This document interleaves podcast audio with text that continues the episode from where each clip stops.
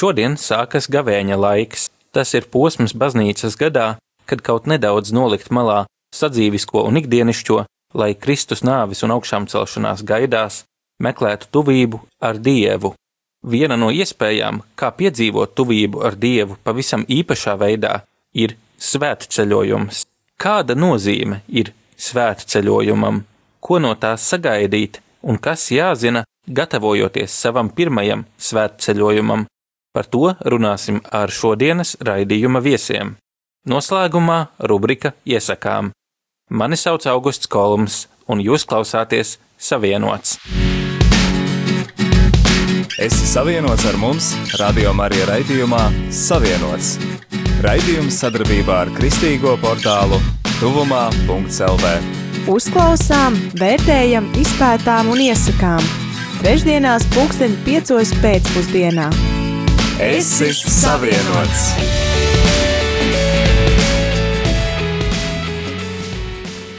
Rubrika Ieklausāmies! Ar tevi raidījums Savienots! Šodien ar mani kopā studijā ir Judīta Ozoliņa, teoloģijas studente un radio Marija Latvija darbiniece, Alfs Trepšs, biedrības Nepaliec viens izpildirektors un Kaspars Ezeriņš, svētceļojuma organizētājs un mūziķis. Pastāstiet, kā tad jūs piedzīvojat svētceļojumu? Mana pieredze ir tā, ka visbiežāk svētceļojumi man sanāk uz Izrēlu. Jo es sākumā braucu vienkārši misijas braucienos uz turieni. Es bieži braucu, citreiz bija trīs mēneši, divi mēneši. Un katrs misijas brauciens jau ir kā svētceļojums, ja tu jau redzi tās vietas, tu esi lūkšanā un kaut ko svētīgu arī izdari. Bet pirms četriem gadiem kopā ar saviem draugiem, kas dzīvo tur, Ieva un Bulas, Bulas no arābu valodas nozīmē Pāvils, Bībelē arī ir Pāvils. Un uh, mēs sēdējām kopā un lūdzām, un sapratām, ka jāsāk organizēt svētceļojumus. Ļoti daudz cilvēku man prasīja, bet, ja tu kādreiz kaut ko organizēsi, es noteikti gribēju pievienoties un braukt. Un tā. bet, nu, man vienmēr bija tāds izaicinājums, bet tā ir taču liela atbildība. Nu, labi, es tam visīs grupiņu mazinu aizvedu, bet tā ir liela atbildība, ir liela cilvēka. Es spēlēju, man vienmēr ģitāra līdzi ir. Un, uh, mēs ne tikai apskatām vietas, bet mēs arī lūdzam, tā, mums ir svētceļojuma grupas. Mums ir īpaši tie svētceļojumi ar to uz Izraelu, ka mēs arī apciemojam kādas vietējās kristiešu draugus. Nu, pieņemsim arī, tur arī uzdziedam, vietējie tiek iepriecināti. Lūkšana nams 247 nepārtraukt slavēšana un lūkšana. Tā arī atrodas arī Jeruzalemē. Pat īsumā tāda ir vesela trīs, bet viens tas ļoti tāds lielāks, kur mūzikas sastāv visu laiku mainās dienu un nakti. Tas iekšā redz Ciānas kalnu, redz Eļas kalnu, un arī Eļas kalnā augšā ir mazāks lūkšanams, tur arī lūdzē dienu un nakti. Tā kā vienmēr mūsu svētceļojuma grupas arī pievienojās kādās slavēšanas reizēs tādās vietās. Un, ja arī vienkārši pie skaistas dabas, Galilejā uz laivas arī dziedam un spēlējam. Un kā izskatās svētceļojums uz Izraēlu, kad organizē? Nu, vispirms mēs satiekamies lidostā. Un tad mēs lidostā kapelē tur arī kopā lūdzam, slavējam. Atšķirībā arī kā tā grupa mums ir, kad no dzīvības traumēm katoļu grupas braukuši, katoļu priesteri, tad, protams, katru dienu arī misijas ir Tad mēs ar Lutāņu mācītāju braucam, arī dievkalpojumi tiek svinēti. Bet interesantā lieta ir tāda, ka bieži vien cenšos tos braucienus organizēt caur Stambulu. Ar Turkish Airlines lidojot, var piestāt Stambulā, un es pieprasu tā, ka nu, mēs vienu dienu paliekam ar tur. Nu, nevis tā, ka mēs uzreiz pārsēžamies, bet mēs arī redzam, un, un Stambula jau īstenībā tāda vieta, kas savā laikā svētceļnieku, nu, tāds krustcelis, kur jau senos laikos jau cilvēks ar Stambulu ceļoja uz Izrēlu, un, jā, agrāk Konstantinopoli, Bizantija un liela pilsēta. 18 miljoni iedzīvotāji. Nu, mēs apstājamies, apskatāmies. Mēs esam vietējiem pas uzorganizējuši kādu slavēšanas vakaru, un mums ir pat bijuši latviešu dievkalpojums pagājušo gadu uz lieldienām. Kopā ar mācītāju Uģi Bruklinu mēs braucām, mēs norganizējām pirms lieldienu tieši palmas svētdienas, bet tas bija sestdienas vakarā. Dievkalpojumu nonāca ap 10 latviešu vietējie, kas dzīvo. Un, protams, mēs 43 latvieši. Viņi atnāk un viņi apraudās par to, ka pirmo reizi Stambulā piedzīvo, ka latviešu dievkalpojums pilna baznīca ar cilvēkiem un dziedā. un tad mēs aizbraucam uz Izraēlu, un tagad Izraēlā, protams, redzam visas tās tās vietas, gan nu, sākot ar Bēntlēmu, kur Kristus piedzīvi, gan arī beidzot ar, protams, Jeruzalemē, kur Kristus arī nu, mira par mums un augšām cēlās, un esam Galilejā un daudzās citās vietās. Nopeldamies, atpūšamies, bet pāri visam esam katru dienu lūkšanā, lūkšanā un Dieva vārdu lasīšanā. Tas esmu Alps, jā, un es laikam tāds veterāns esmu. Tas pirmais svētceļojums bija 92. gadā, tā kā 28 gadi paliek šogad. Mēs bijām oktobrī Tezē kopienā Francijā. Nu, Izrēlā es esmu bijis 20 reizes. Jā, tā kā es esmu viņu izmalis krustām šķērsām, ieskaitot Sīriju, Jordāniju, Libānu, būts arī šīs valstīs ir gana daudz reizes, bet man jāsaka tā, ka man tas svētcenojuma būtība sākās ar TZ 92. gadā, bet tad bija tā, ka cilvēki prasīja, kāpēc tikai TZ. Un tad 95. gadā man iznāca tā, ka man uz ielas Jēkabielā iedeva vēstuli no Vatikāna, kur aicināja Lutrāņus braukt uz Romu. Un tad 96. gadā mēs satikāmies ar pāvestu Jānu Pāvilu II Romā, Svētā Pētera laukumā. Un mūsu grupai pāvests teica uzrunu latviešu valodā, kurai viņš bija gatavojies pusstundu pirms tam. Un tā kā tas tāds bija. Nu, tad, protams, te zē bija ļoti interesants piedzīvojums. Es iepazinos 96. gadā vienu priesteri no Skotijas, un tad mēs sākām braukt uz Skotiju. Jā, Skotija ir unikāla zeme. Tur ir fantastiski ir Jonas sala, un mēs gulējām tādā cistētiešu klosterī 16. gadsimta ēkā. Nu, diemžēl viņa tagad ir pārdota. Viena amerikāņu miljonāra nopirkus, bet nu nekas brāļi domā kaut ko uh, turpināt. Katru reizi, kad esmu Skotijā, tad mēs pie viņiem arī vienkārši ciemos iebraucam, jā, tādā veidā ir. Tā kā, nu, braukts ir daudz, redzēts ir daudz. Man jāsaka tā, ka es laikam tāds varbūt neesmu tāds īstais svētceļnieku vadītājs, jo es tomēr cenšos ņemt ņemt vairāk grēciniekus līdzi, jā, un nemēģina viņiem tur likt šausmīgi lūgties. Protams, mēs lūdzamies, un viss tas notiek, jā. Ir arī tāds rozīnīts, ko mēs atrodam tur Jaunas salā, teiksim, Skotijā, tai pašā klosterī, teiksim, cistertieši pie Edinburgas, jā, protams, Libānā, jā, svētais Šarbels ir, jā, kas ir fantastisks, teiksim, svētais 19. gadsimta, jā, Libānas ir. Protams, ir daudz lietas, jā, bet katrā gadījumā man savā laikā ļoti patīk, ka Dievs deva iespēju mums četreiz tomēr izbraukt Sīriju, Jordānu Jordāniju un Libānu. Vienkārši man sirds sāp par to, jo es esmu Sīrijā bijis praktiski visās vietās, kur karoja. Jā, tā tad ir Palmīras, Tuksnesī, Malulu, protams, Damasku un visas tās pārējās vietas. Jā. Un vienkārši zinu tos cilvēkus, cik viņiem uh, nebija viegli. Kā viņi sāk rosīties, kā viņi sāk darboties, kā viņi lūdzās. Jā, tas ir fantastisks lietas. Un man ļoti žēl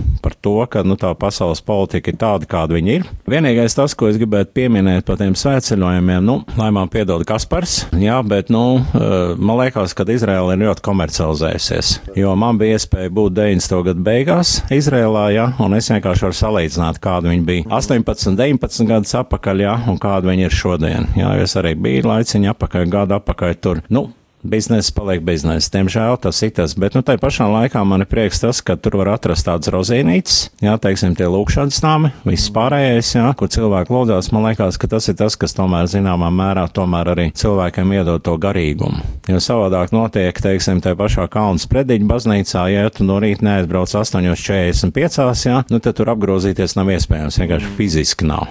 Tur ir pārpildīts ar cilvēkiem. Jā. Es nezinu, ko viņi visi gāžās uz tām vietām, jā, bet, bet nu, katrā gadījumā cilvēki dodas un brauc. Bet eh, nu, es gribu aicināt to, ka mums arī Latvijā ir svētcernieki. Tātad es ne tikai esmu biedrībā strādāju, bet es arī pārstāvu, nu, tagad darbojošos Latvijas vecāko baznīcu, tā ir Krimuls baznīca. No mums katru gadu arī svētceļojums ir. Mēs tā esam vai nu tur uz Ikšķili, vai no Ikšķilas jau uz Krimulu, jā. Tā kā mums tāda iespēja, teiksim, arī pastāv. Jā, tā ir tāda apmēram 40-50 cilvēku piedalās, jā, un uh, var braukt pie mums arī ciemos, svētceļojumā, jo es gribu izstāstīt vienu labu piemēru no Tibetes. Nu, man bijis arī tur iznācis pabūt, tad es satiku divus krievus no Maskavas. Un viņi saka, mēs tādu garīgumu piedzīvojam klosterī, tādu garīgumu. Mums mūkt lika nest ūdeni no avota augšā kalnā un liet baļā. Ah, un jāsmaida visu laiku bija. Un tagad es saku, cik jūs samaksājat? Viņi saka, nu, apmēram kaut kādi 4000 dolāru. Es saku, vīzu uz Latviju maksā 60 dolāru, nu labi, 70. Transports 100 dolāru. Atbrauciet pie maniem uz Krimulas baznīcu, mums ir upīti. Nolikšu augšā baļu, stiepiet ūdeni līdz bezsamaņai un smaidiet.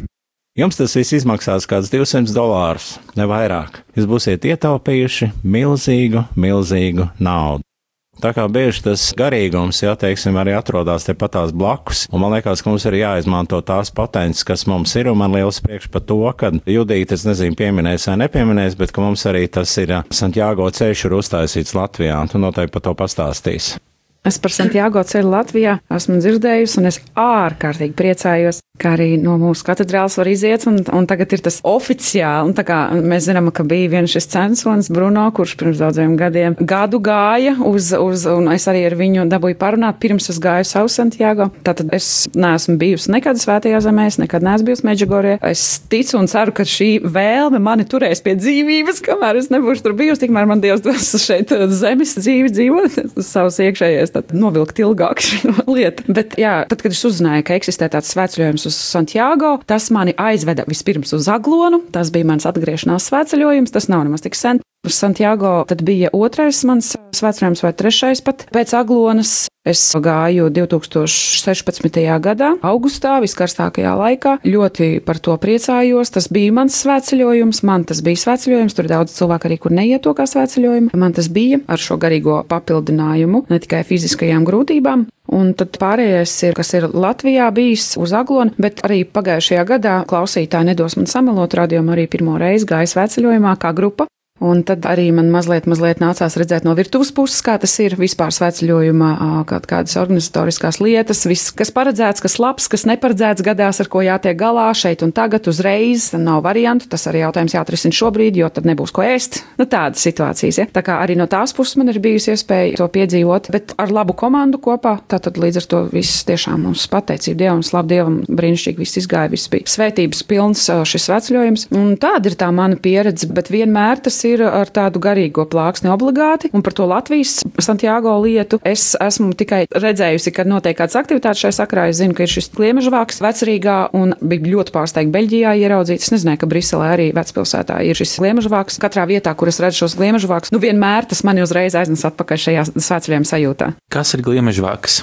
Tas ir runājot tieši par Santiago ceļu. Šis simbols, tas ir arī kā tādas norādes, kad svētceļojumā iet Santiago ceļā ejot, tu nemitīgi skaties vai nu zeltains būtiņas, vai arī ir šie gliemežvāku simboliņi. Un tad, kamēr tu visu laiku šiem seko, tu zini, ka tu esi uz pareizā ceļa, tu esi ceļā uz Santiago de Compostelu. Tā ir svētā Kristapa, tas ir tāds simbols, ar ko, kad tu redz gliemežvāku, tad tas ir par Santiago ceļu. Un šī karte, šis tīklojums patiesībā ir daudz vietā Eiropā. Tur nav tikai šis franču ceļš, vissenākais. Ir arī no Itālijas, ir no daudzām vietām. Un tad viņš tiek zīmēts ar šo gliemežvāciņu. Viņš kā gliemežvāciņš ir. Nu, un tad jau pašā galā pie okeāna arī var salstīt gliemežvāks, vismaz es to izdarīju. Tāda ir man pieticīgā pieredze. Un, nu, man tas bija tieši caur svētceļojumu. Es atgriezos ticībā. Tā kā tas vienmēr ir par kādām cīņām ticība vienmēr mums nu, nav iekritusi rokās vislabākajos mūsu dzīves posmos. Tas parasti ir kāda cīņu ietvaros, un tad arī man tā bija, un tas man bija svētceļojums, kas man atgriezta pēc kaut kādā zināmā mērā svētceļojums man ir un paliks mūžam īpašs notikums. Nākamais, ko es gribēju jautāt, arī būtu, kas ir tas, ko mēs varam iegūt, ejot svētceļojumā, kāpēc mēs to darām? Tāpēc citādi, es, es pieņemu, ja tev ir kāds īpašs atgriešanās stāsts, varbūt tur pastāstīt vairāk. Par savu atgriešanās stāstu vai Jā, nu, es domāju, tas būtu iedvesmojoši. Varbūt, es nezinu, un daudz kļūdas, daudz nepareizu lēmumu, daudz sāpju, vairāk salauztas dzīves, ne, nu, man apkārt, maniem cilvēkiem, kas ir bijuši mīļi un dārgi, un, un tam līdzīgi, un tam līdzīgi. Līdz 2009. gadā es sapratu, ka man ir kaut kas savā dzīvē jāmaina, ja es tā turpināšu, tas nekur man neaizvedīs, tas aizvedīs vienkārši, nezinu, slikti būs.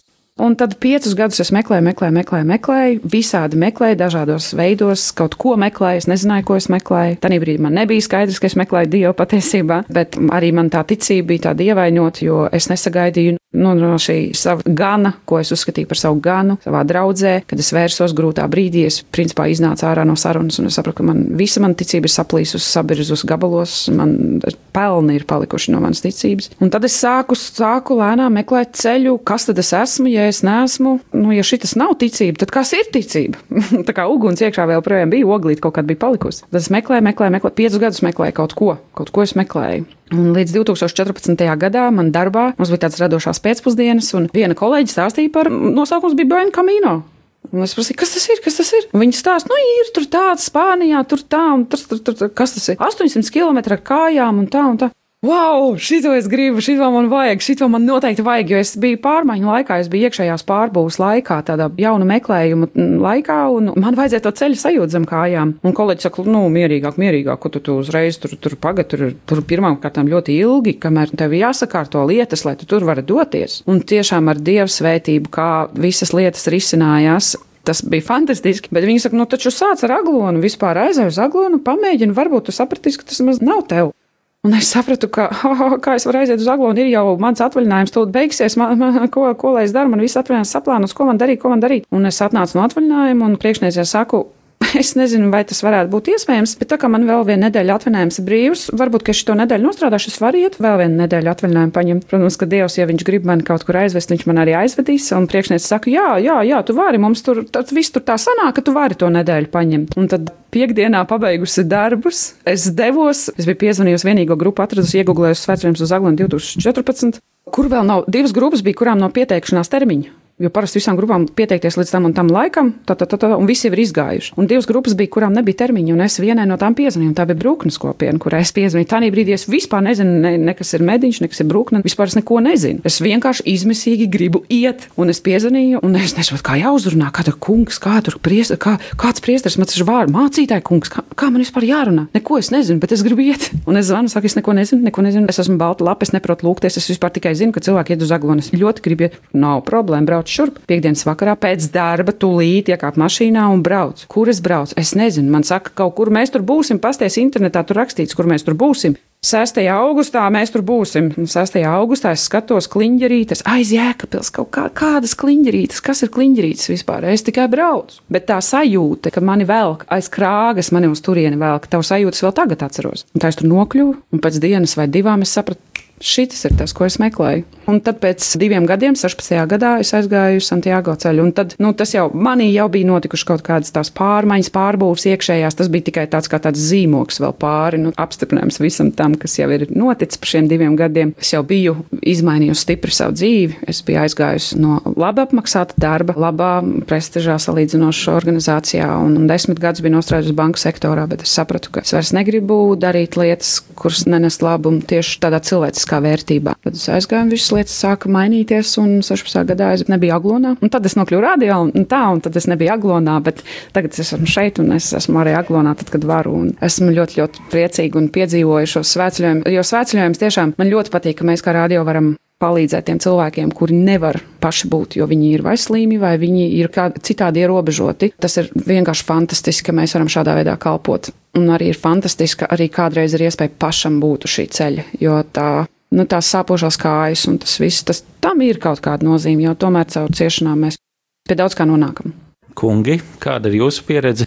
Nu, mana pieredze tieši es saistībā runāju ar, ar Izraēlas svētceļojumiem, braucieniem uz Izrēlu. Kā jau apsver minēja, kad varbūt manos svētceļojumos vairāk fokusēts, nu, tā, tas ir lūkšana, pielūgsmes, slavēšanas brauciens, tā jau viss kristieši piesakās, bet vienmēr ir kāds, kas ir neticīgs. Mums ir bijuši gadījumi, ka kāds piesakās un viņš saka, es vienkārši gribu redzēt vietas, Uz to baznīcu iekšā varbūt neiešu, un tā, un tā, tā vienkārši nu, no malas paskatīšos. Varbūt. Un paiet viena diena, otra diena, Dievs tā runā, apraudās un runā ar mācītāju, un pat pieņem Kristu. Un pilnīgi neticīgs cilvēks kļūst par uzticamu Kristus sakotāju. Un es varētu saskaitīt par šiem trim gadiem, četriem, četriem gadiem, kad mēs organizējam, ir tiešām kādi pieci cilvēki, vismaz tādi, kas neticīgi atbraukuši, kļuvuši par uzticamiem Kristus sakotājiem. Un es dzirdu atsauksmes no kādiem citiem cilvēkiem, kas saka, o, tas cilvēks, kas atbrauc, viņš saka, pie mums draudzē un kalpo un, un ritīgi un par to ir liels prieks. Bet arī par daudziem ticīgajiem cilvēkiem, kuri brauc, viņiem vienmēr ir bijusi kāda lūkšana Dievam. Nu, un, un caur to svētceļojumu Dievs kādā īpašā veidā ir devis atbildes uz jautājumiem. Tas ir tas brīnišķīgākais. Arī piekrītu Alfam, ka Izraela ir ļoti tiešām kā saka, septītā dārgākā valsts pasaulē. Viss ir ļoti pilns ar turistiem, un tāpēc arī man patīk organizēt mazliet to citādāk, ka mēs varam būt kādā vietējā kristiešu draudzē, ka lūkšana namā no malas būtu kaut kur teikt tā, lai cilvēki to garīgo piedzīvo. Bet esot tajā zemē, protams, nu, ka tu lasi Bībeli un tu saproti, o jā, tiešām tāda vieta atrodas, o jā, un Jēzus šeit staigā, un tas ļoti, ļoti runā. Un arī mana kolēģe Ieva, kura viņa dzīvo tur, jā, un uh, mēs arī kopā izveidojam tādu Gaudību Hipertūrs ir oficiāli reģistrēta tur, Betlemē, un viņai ir bijusi tā iespēja arī vadīt kādas grupas, kur pārsvarā visi neticīgi piesakās. Un tā neticīgi, un tagad tā programma arī tā, protams, organizēta tā, lai neticīgiem ir interesanti. Nevienam ar evaņģēlīju neuzbāžās tā īpaši virsū, bet tā vieta pati par sevi runā. Un tādi neticīgi cilvēki, kas ir bijuši atbraukuši, pat kur pateikuši, o, mēs esam ateisti, mēs neticam un nekad neticēsim. Pāris dienas vēlāk, un, nu, jā, repet, Bībelē taču tur tā rakstīts ir. nu, tā, ka cilvēks mainās un tā. Un Mana paša pieredze visā dzīvē, es varētu teikt, ka esmu ļoti daudz bijis dažādos misijas braucienos. Jo es pats arī pārstāvu un darbojos ar jaunatni ar misiju, un esmu bijis gan arī, ka pats mācījos jaunatnē misijas, misijas braucienā, gan arī pēc tam esmu ļoti daudz organizējis. Uz Spāniju mēs esam braukuši, organizējis pielūgsmes kalpošanas skolu, mēs esam braukuši misijas braucienu ar mašīnām no Latvijas uz Gibraltāru un atpakaļ. Katrā valstī piestājām, evanģelizējām, piedalījāmies kādos lūkšanas pasākumos. Pa viens brauciens bija tāds, mēs braucam, mēs Hankūtē apstājam, redzam tās vietas, lūdzam, slavēšana notiek, Augsburgā lūkšanam apstājam, vēl pa ceļam arī tā zē, vienkārši uz svētdienas rīta dievkalpojumu, tas ļoti, ļoti, ļoti brīnišķīgs un īpašs. Un tāpēc vienmēr tajos misijas braucienos man gribās iekļaut iekšā to, ka ir piedzīvojumi, tas ir taču arī svētceļojums. Un tagad es organizēju tos svētceļojumus uz Izrēlu, tieši konkrēts kur, tās grupas, kuras es vadu. Es gribētu kaut vai mazliet nās iekļaut to misijas garšu, ka mēs arī aizējām uz bērnam, kaut vai tā ir tikai stundiņa no desmit dienu brauciena. Ja? Bet mēs tajā stundiņā varam iepriecināt vietējos cilvēkus, un viņi ir tik priecīgi, un mēs paši kļūstam arī priecīgi. Es gribu izstāstīt druskuļi par Izraēlu, pa Jeruzalemi bija tāda premjerministra Golda Meira, tad viņa atbrauca uz Amerikas Savienotām valstīm, tad bija prezidents Niksons, jāaiziet Baltajā namā, ovālajā kabinetā, skatās četri telefoni. Viņš saka, mister prezident, kā jums četri? Nu, sarkanais ar Kremli, ar Maskavu, baltais ar ģimeni, nu, zaļais tur ar valsti sarunas, jā, nu, tas, jā, tas, tas zeltītais, tas ir zvans uz debesīm. Tā kā valstī ir baigās ziepes, bet, nu, Baigi dārgi. 20 miljonu dolāru minūte maksā. Lai arī bagāta valsts, mēs ļoti reti varam atļauties zvanu uz debesīm. Nu, labi, tagad atbrauc viņš uz Jeruzalemi, iet kabinetā. O, premjerministrs kundze, jums arī četri telefoni. Jā, tas sarkanais, tas ar Kairu, ar Eģipti, tas ar maniem mazbērniem ir, nu, un tas baltais ar valsti, nu, tas zeltītais, jā, tas ir zvans uz debesīm. Tā kā valstī ir baigās ziepes, mums ir katru dienu ziepes, zin, bet atšķirībā no jums, mums viena minūte maksā vienu dolāru, tāpēc, ka tās ir vietējās sarunas.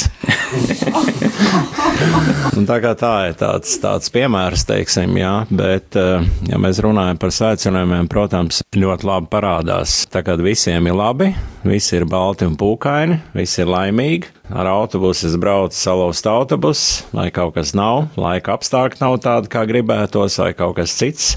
Vai kaut kas notiek? Es atceros, es pirmo reizi braucu uz Libānu. Bija, nemaldos, kaut kāds 2002. gads. Es, es neatceros, vairs kaut kad bija. Jā, bet tad bija tā, ka bija uzspridzināts iepriekšējais premjerministrs, tāds Harīrī bija, Beirutā bija. Un jūs ziniet, no 40 cilvēkiem tikai viens pajautāja, vai nav bīstami braukt. Viens. Es teicu, ziniet, eh, ja jūs nomirstat šeit gultā, tad jums ir avīzē labākā gadījumā nekrologs. Ja tur mūs uzlaidīs kāds gaisā, jā, CNN, BBC, Eiroņos, ja tāds nekrologs būs pa, pa, pa, visu pasauli būs, tā kā būs ļoti labas atmiņas visā pasaulē, jā. Bet, nu, protams, ir, ir jāsaprot to, ka tas zinām mērā joks, bet, protams, ir lietas, kas ir jāuzmanās. Es vienmēr cilvēkiem arī saku, ka mēs devāmies uz Arābu valstīm, tomēr mums ir vajadzīgs vietējais cilvēks, jā, arī, ka mēs Eģiptē bijām, Sīrijā, Jordānijā, tā, tā, tā ir tāda arī drošība. Kāpēc? Jo tu to valodu nezini, arābu valodu, ja kaut kas notiek, vienkārši tad šie cilvēki var norēģēt kaut kādā situācijā.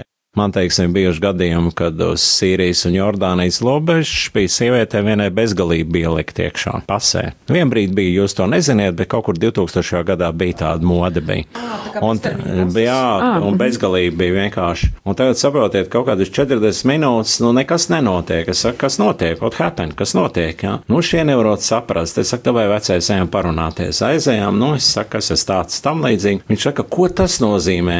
Es saku, šī must live forever. Viņa viņai jādzīvo mūžīgi. Tie sāk smieties Jordānieši, teica, labi, labi, brauciet.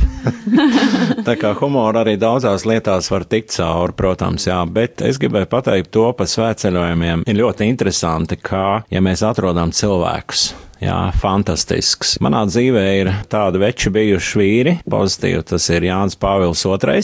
Jā, jo Jānis Pāvils II. Tādēļ es viņu satikos neklātienē pirmo reizi 1978. gadā bija Amerikas balss no Vašingtonas, retranslēja Radio Vatikānu, un tur tiek ievēlēts pāvests septembrī. Vēlēšanas uz Marsu. Padomju cilvēks, 78. gads, vēlēšanas uz Marsu notiek. Un es tā kā šodien es atceros, es domāju, nu nebūtu slikti to vīru satikt. Jūs ziniet, paiet 18 gadi, un to viņam spied roku, saka, sveiks, Jānis, Alfs no Latvijas, Jā, Pēter laukumā. Otrs cilvēks, kas manā dzīvē, protams, ir bijis brālis Rožē. Jā, nu es daudz cilvēku, bet nu es tādas, varbūt tās tādas gara gigantas nosaukšu, jā, un jau mūžībā aizgājušais arī, tie visi mūžībā ir aizgājuši, tātad ir tāds Berhards Nābers, Altenburgas klostera abats, fantastisks vīrs, pa kuru varētu sarakstīt grāmatas, jo viņš ir, nu, es nezinu, es vienreiz tur biju, es esmu daudz reiz tur bijis, ļoti daudz reizes, jā, bet es vienmēr atceros to reizi, kad es biju bērna bērniem, Jā, un kad mēs braucām projām, viņš tāds maziņš, tādā melnā talārā stāv, saprotiet, un viņš izskatījās liels. Viņš ar tādām acīm mūs pavadīja, tādu svētību iedāvā. Tas ir kaut kas tāds brīnišķīgs, jo es domāju, ka svētceļojumā arī mēs caur cilvēkiem ļoti daudz iegūstam. Tā ir tāda milzīga, milzīga vērtība. Šajā brīdī paņemsim nelielu pārtraukumu, uzliksim kādu mūziku un pēc maza mirkļa būsim atpakaļ.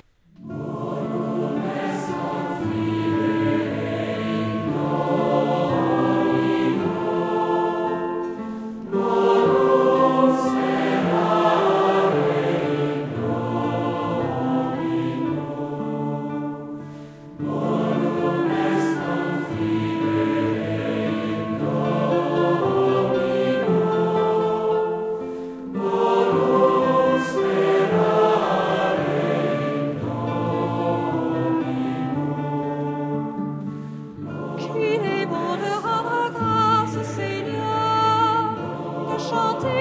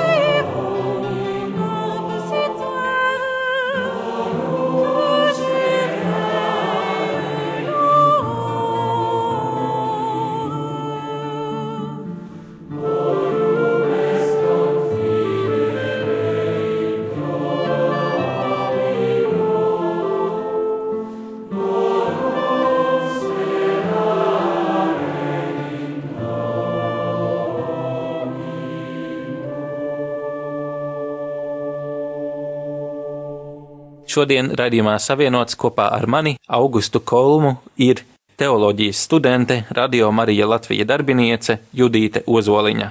biedrības nepaliec viens izpildirektors Alfs Trepšs un svētceļojuma organizētājs un mūziķis Kaspars Ezeriņš. Kādiem cilvēkiem tad ir domāti svētceļojumi? Es zinu, pareizā atbilde, ko jūs teiksiet, noteikti ir ikvienam, visiem. Bet tomēr kādam būtu jābūt cilvēkam, uz ko jābūt gatavam gan dvēseliski, gan praktiski. Man arī ir prasījuši, man ir prasījuši padomu par to, Santiago, kā tu tur un ko tu tur. Es parasti esmu teiks, ja tu jebkad savā dzīvē esi iedomājies, ka tu to gribi, un ka tā sajūta nav apklususi, viņa vienkārši ir nu, apaugusi ar darbiem, tad izkārto kaut kā un dodies. Un, ja tev tur būs jābūt, Dievs tev palīdzēs. Jo, ja iekšā ir kaut vai vāra, vāra gaismiņa, vāra oglīte, ka gribās, tad ir jāiet, jo tad arī sirds ir vaļā. Principā jebkam, kas nāks pretī. Vai tiem cilvēkiem, vai notikumiem, vai vietām. Viss, kas nāks pretī, tu pieņems un baudīs. Caur to varēs arī redzēt, kā Dievs runā. Un galvenais, ja tu jūti, ka tu gribi. Dodies iekšā tajā izaicinājumā to darīt, un Dievs palīdzēs no savas puses. Mums ir jādara savu daļu, Dievs izdarīs savējo. Es varu pateikt godīgi, protams, man patīk braukt, bet man, ja tā godīgi jāsaka, riebjās ar kājām iet. Es nevaru ciest, es varu pastaigāties pa mēžu stundām, viss ir kārtībā, bet man tracina iešana pa ceļu, pa šosei, vēl kaut kur, bet man ļoti patīk ar velospēdu braukt. Es esmu divreiz braucis uz Aglonu ar velosipēdu, un saprotiet, ir fantastiska brīvības sajūta. Tu pirmām kārtām nevelcies pārāk lēnu, otrām kārtām tu nebrauc pārāk Bieži. ātri. Bilde tā, nu, tā nomainās Jā, daudz. un tu vari ielikt savu guļamais, viss pārējā, un vispār, nu, ir fantastisks sajūta, jā. Nu, man liekas, nu, vismaz man, tas ir mans pārliecība. Es te mēģināju vienreiz kaut kādu divu gadu apakaļ laikam čāpot ar kājām, nobērs kājas. Veikli pirmajās stundās zin, nospļāvos, pēc tam teicu, ka es vairāk nekad kājām neiešu.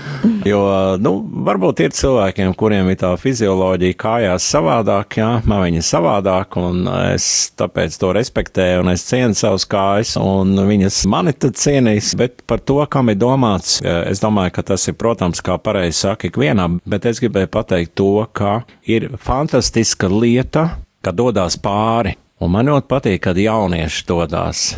Un jūs saprotiet, es esmu redzējis to, kā izskatās, kāda mīlestība viņiem ir iekāpjot autobusā, un kāda nemīlestība viņiem ir izkāpjot no autobusa, jo izrādās viens vai otrs nav gatavs tam pārbaudījumam. Un līdz ar to ir ļoti labi paskatīties, ja tā kā jaunieši, ja jūs gribat savas attiecības veidot, nu tad paņemiet, un arī pārbaudiet, jā, pārbaudiet, Dodieties jā, svētceļojumā vai meitene vai gatava teltī gulēt, vai kaut kur tur uz soliņa, vai kaut kur jūras krastā, vai puisi to gatavs darīt, jā.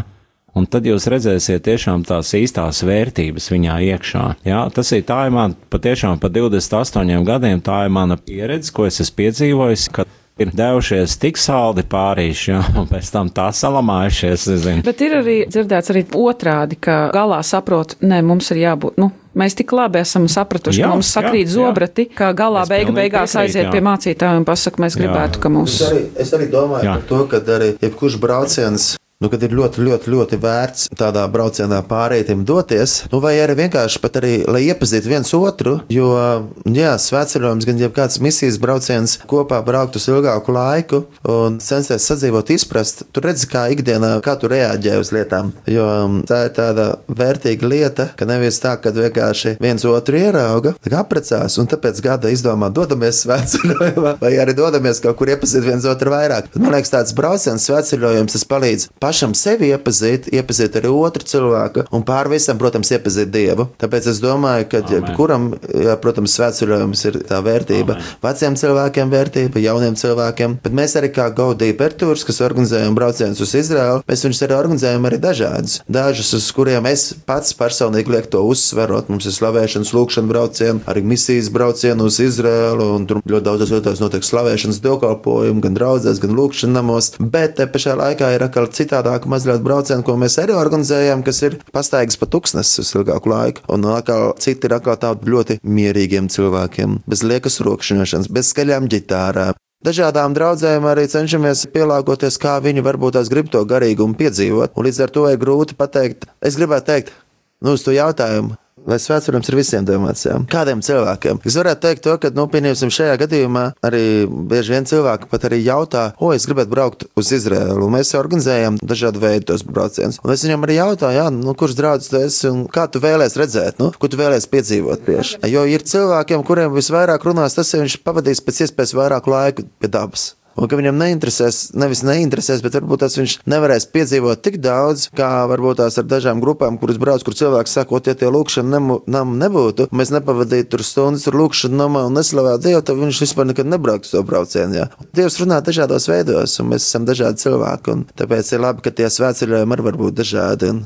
arī tāpēc Latvijā, piemēram, man patīk tas, ka Krimulūdas baznīca ir vienmēr vaļā. Mēs arī ar kādiem draugiem kādā vakarā aizbraucam, vienkārši naktī pasēdēt, būt lūkšanā un paņemt ģitāru dziedāmu, jo arī vienkārši esam klusumā lūkšanā, un tas ir ļoti, ļoti svētīgi un iedrošina ikvienu cilvēku atrast dažādas veidus, kā mēs varētu vairāk iepazīt Kristu un pieaugt iekš Kristus.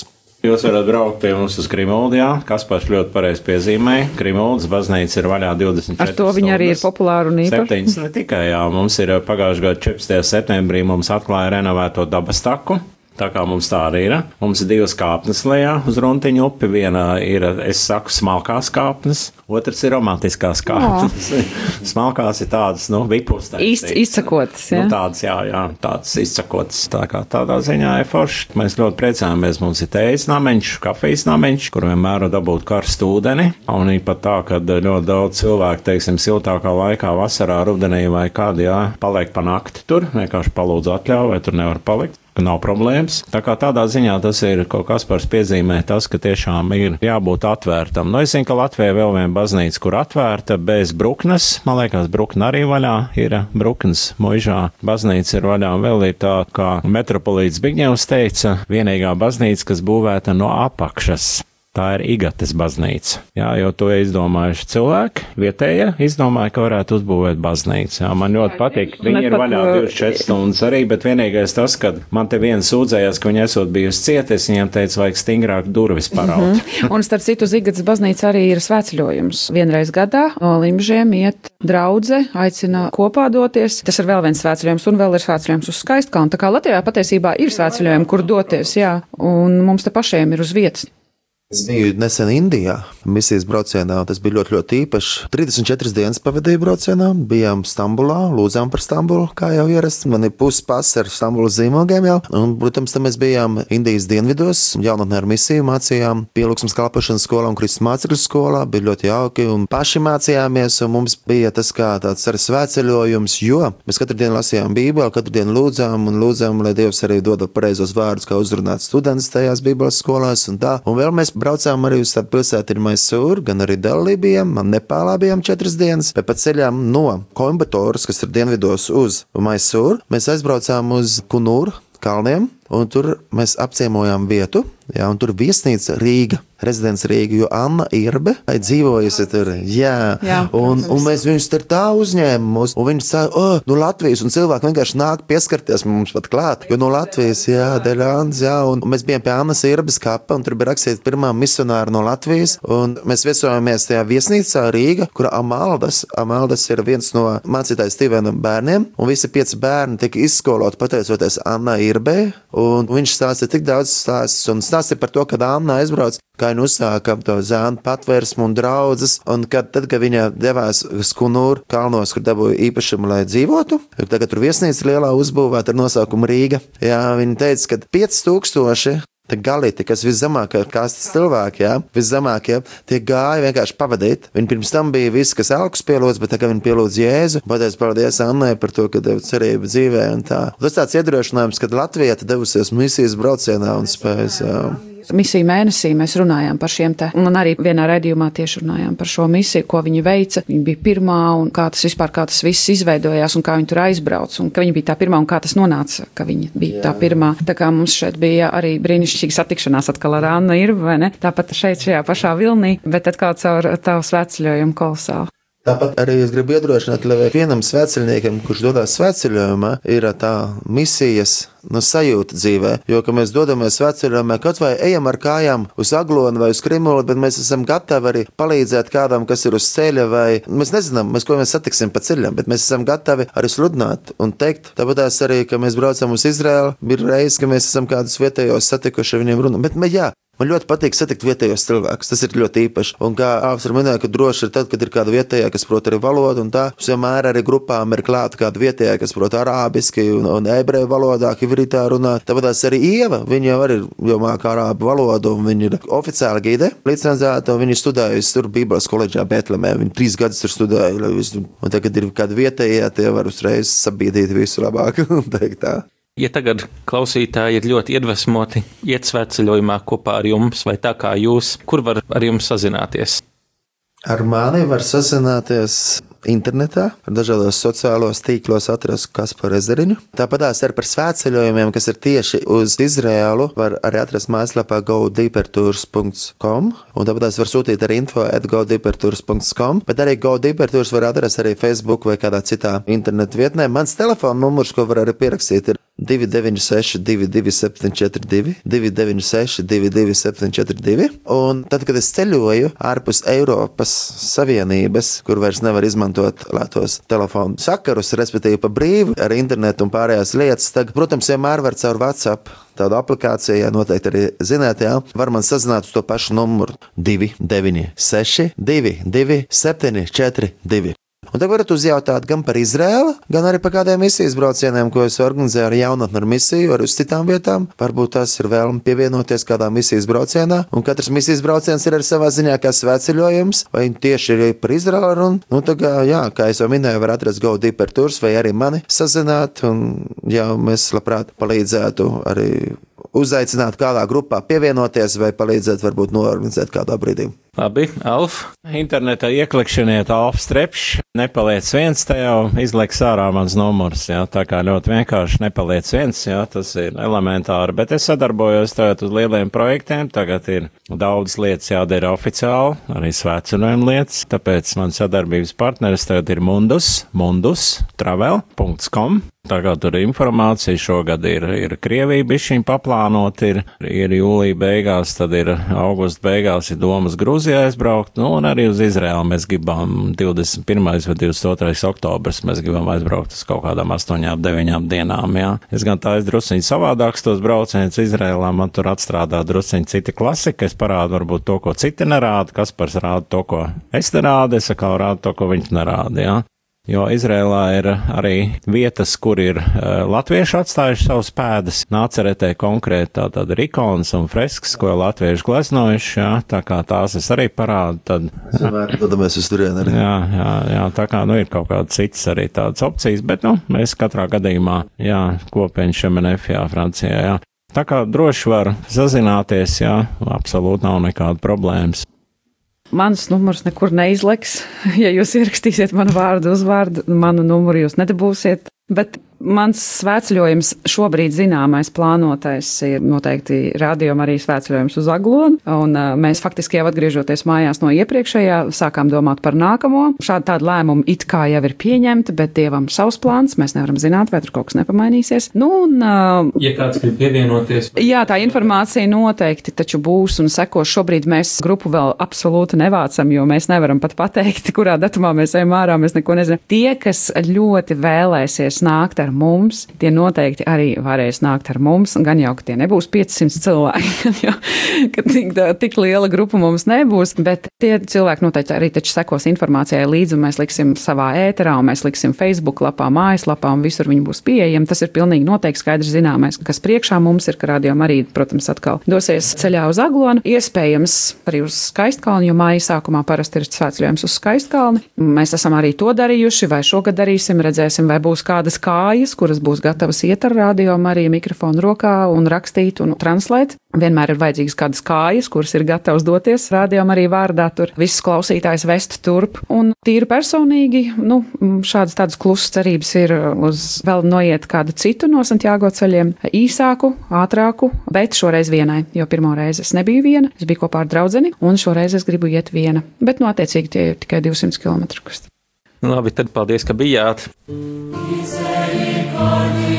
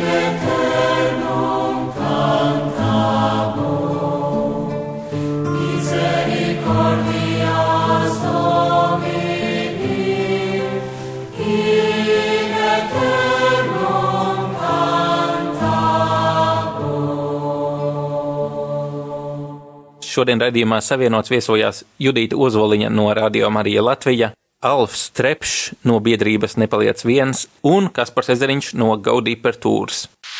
Rubrika Iesakām. Ar tevi raidījums Savienots. Šoreiz Kristīgā medija tuvumā LV uzmanību piesaistīja Facebookā izsludinātais kristīgais speed dating jeb ātrie randiņi, kas notiks 7. martā Rīgā. Par to lūdzām vairāk pastāstīt šī notikuma organizatorei Līvai Eglītei. Kristīgais speed dating ir iepazīšanās platforma kristiešiem no 25 gadu vecuma, kas ārzemēs ir ļoti populārs iepazīšanās veids, un nu jau otro gadu norisinās arī Latvijā. Tā ir iespēja brīvā, nepiespiestā atmosfērā iepazīties ar cilvēkiem, ar kuriem iespējams ikdienā ceļi nekrustojas. Tā ir iespēja mācīties komunicēt, kad pa vidu nav mobilais telefons vai galda spēles, kas novērš uzmanību. Kāda tad ir pasākuma norise? Katram dalībniekam būs piešķirts kārtas numurs, un sarunai ar katru dalībnieku būs atvēlētas 5 minūtes. Par ko runāsiet, tas lai paliek jūsu pašu ziņā. Ja vēlēsieties, būs iespēja izmantot mūsu iepriekš sagatavotus jautājumus. Pēc tam par katru dalībnieku veiksiet atzīmi ailē jā, nē vai biznesa. Tikai tiem dalībniekiem, kuriem apusēji sakritīs jā, vai nu par iespēju tikties vēlreiz vai biznesa lauciņā, tiks nosūtīts tās personas e-pasts un telefona numurs. Un nevajag iespringt un domāt, ka šis ir sievas un vīra meklēšanas pasākums. Protams, mēs priecātos, ja kāds no pāriem izveido nākotnē ģimeni, taču primāri šis ir iepazīšanās pasākums kristiešiem, kas vairs neiedaras draugu jauniešu vecuma kategorijā un neiedaras arī pāru vakar vai laulāto kursu kategorijā. Šis ir jaunu draudzību un interešu grupu izveidošanas pasākums starp dažādu kristīgo konfesiju pārstāvjiem. Mēs tik bieži domājam, ja uzaicina kādu uz kafiju vai tēju, tad tas nozīmē, ka tas ir randiņš ar nolūku kaut kad nākotnē precēties. Taču ir iespējams iet uz tēju un kafiju arī ar pretējo dzimumu, kā satikšanos, pa draugam. Un, ja draudzība pēc laika pāriet randiņu stadijā, apsveicam, bet tam nebūtu jābūt pašmērķim. Man šķiet, ka mēs kā kristieši esam kaut kur pazaudējuši šo vienkāršo draudzības, otra cilvēka iepazīšanās prieku to vieglumu, kas rodas, kad iepazīstam jaunu cilvēku un būt vienkārši labiem draugiem. Tāpēc atnāc un paplašini savu draugu loku. Pasākums notiks 7. martā kafē Filmnāra Rīgā. Links uz pieteikšanās anketu atrodams Facebook lapā Christian Speed Dating Latvija pasākumu sadaļā. Vieta pasākumā gan tiek rezervēta tikai tad, kad ir aizpildīta anketa, samaksāta dalības maksa un saņemts apstiprinājums. Šobrīd gan brīvas vietas palikušas tikai vīriem. Dāmas savas vietas visas jau ir rezervējušas, tā kā puiši vecumā no 25 droši, droši piesakieties. Dalības maksa ir 20 eiro, cenā iekļauts uzkodas un dzērieni. Piesakoties trīs cilvēku grupai, dalības maksa katram ir 15 eiro. Pieteikšanās termiņš 1. marts. Ja ir kādi jautājumi, droši zvani 27 07 8132 vai raksti uz e-pastu csd.latvija at gmail.com. Tiekamies! Priecāsimies tevi redzēt! Savukārt jau parīt, tas ir piekdiena, 28. februārī, es pats, Augusts Kolms, esmu aicināts uz Rīgas Jēzus evaņģēliski lutrisko draugu ar priekšlasījumu jauniešiem radīšanas stāsts, zinātne vai reliģija. Tā nebūs ne zinātniska, ne teoloģiska analīze, drīzāk tas būs tāds neliels aicinājums padomāt par to, kā mēs redzam un skaidrojam pasauli mums apkārt. Šis vakars ir domāts galvenokārt jauniešiem, nu, sacīsim, tiem līdz 30. Tas ir piekdiena, 28. februārī, 7. vakarā, Jēzus baznīcā Rīgā. Meklējiet Facebookā Jēzus draudzes jaunieši. Kristīgo mēdīju tuvumā LV var atrast Facebook, sekojiet mums arī Twitterī, kā ētuvumā un ētsavienots arī man pašam, kā ētkolums, un rakstiet mums arī e-pastā uz savienots ētuvumā LV. Mani sauc Augusts Kolms, un šis bija raidījums Savienots.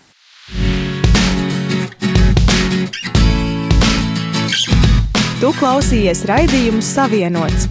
Būsim atkal ēterā trešdien pulksten piecos pēcpusdienā Klausies mūsu radio Marija un lasi kristīgo portālu tuvumā.clv. Es esmu savienots!